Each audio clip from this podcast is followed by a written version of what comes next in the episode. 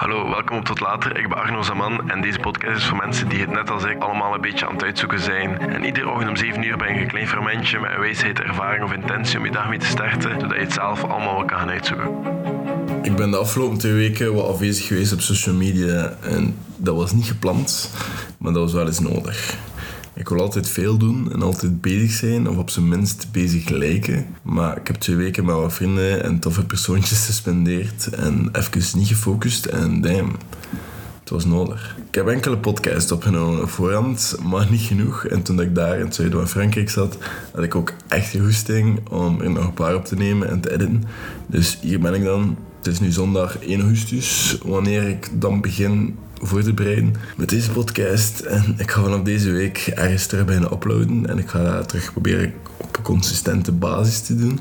En ik ben vannacht heel de nacht in de auto onderweg geweest. Ik heb heel de tijd geslapen onderweg naar huis. En als ik thuis kwam, heb ik me even in de zetel gezet. Maar nog geen half uur later was ik bezig met alles van onder mijn bed te halen en naar de zolder te brengen. En mijn bed af te breken om ook naar de zolder te brengen. En nu slaap ik op een matras op de grond in mijn kamer.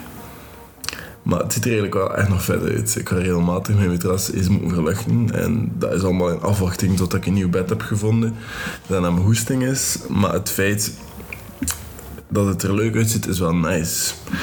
Uh, mijn bed piepte gewoon veel te hard. Het was echt een probleem. Uh, je moest je nog maar omdraaien en het was aan het piepen. En ja, ik was het beu. Dus ik had een impulsieve bui, waaronder dat ik heel mijn kot een beetje om heb gegooid. alles een beetje heb opgekuist. En ik heb ook een was gedaan, ik was net terug van een reis. En mijn bureau stond ook even voor het raam, maar dat ga ik ook niet meer doen. Het is veel te veel afleiding, recht voor het raam. Heel de straat kan mij ook zien zitten als ik werk en dat is niet zo nice. En ik word daar ook gewoon heel afgeleid van. En ik voel me niet zo graag bekeken. Nu kijk ik naar de muur, ik zit nog altijd aan het raam, maar ik kijk naar de muur. En ik ben gewoon heel impulsief geweest. En de reden daarom is gewoon om opnieuw te starten. En je kan het heroriëntatie noemen, whatever. Vorige week heb ik mij op een bepaalde manier geconnecteerd met mensen in de natuur of met de natuur. Ik heb gewoon gewandeld. Ik heb een wandeling gedaan van vier uur met blote voeten. Ik heb dingen gedaan dat ik niet op voorhand wist dat ik die ging doen. De enige conclusie dat ik uit die dingen kon trekken is dat ik dingen ook rustiger mag doen, op mijn eigen tempo. En dat ik tijd mag vrijmaken om te werken aan de dingen die ik belangrijk vind. En het, een vast schema van maandag tot vrijdag dat kan helpen. Maar daar rond is het ook oké om een pintje te gaan denken of te gaan wandelen en de hangmat ergens op te hangen en een paar uur later wakker te worden of op een restaurant te gaan of je niet per se aan dat schema te houden. En als het soms eens niet lukt of ik heb een slechte dag, weten dat dat oké is. En ik had precies door dat het oké was om niet vooruit te gaan. Ook al ga je vooruit en ben je ergens naartoe aan het werken. Ik had door dat ik nu deed voor mezelf.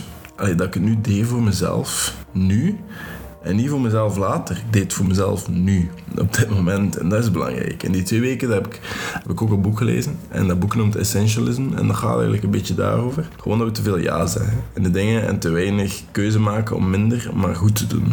Less but better. Er is een stukje over een experiment met een hond. Die aantoont dat wij soms gewoon denken dat we geen keuze hebben.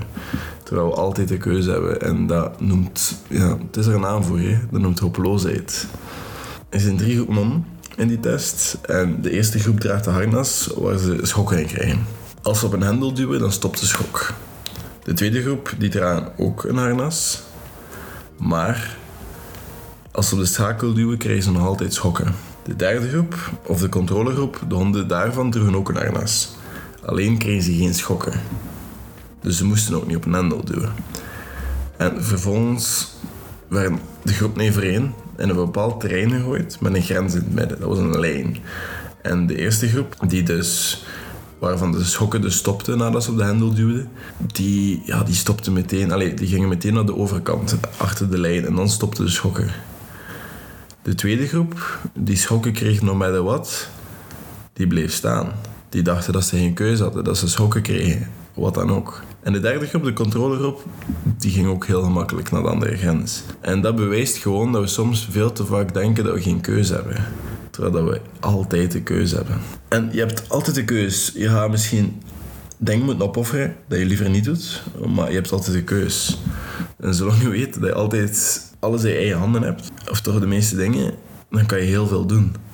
En ik zal nu proberen terug wat consistenter te zijn met de podcast, maar ik ga ook wat meer mijn eigen ding doen. Dus ik zie wel hoe dat loopt.